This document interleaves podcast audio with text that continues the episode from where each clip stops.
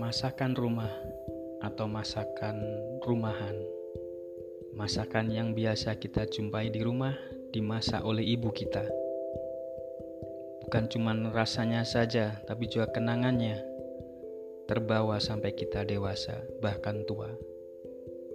Dapur Mbak Pit akan membangkitkan lagi rasa dan kenangan itu kembali dengan ngobrol santai seputar masakan rumah atau masakan rumahan yang kita jumpai waktu kita kecil dan menjadi kenangan sampai kita dewasa, bahkan tua.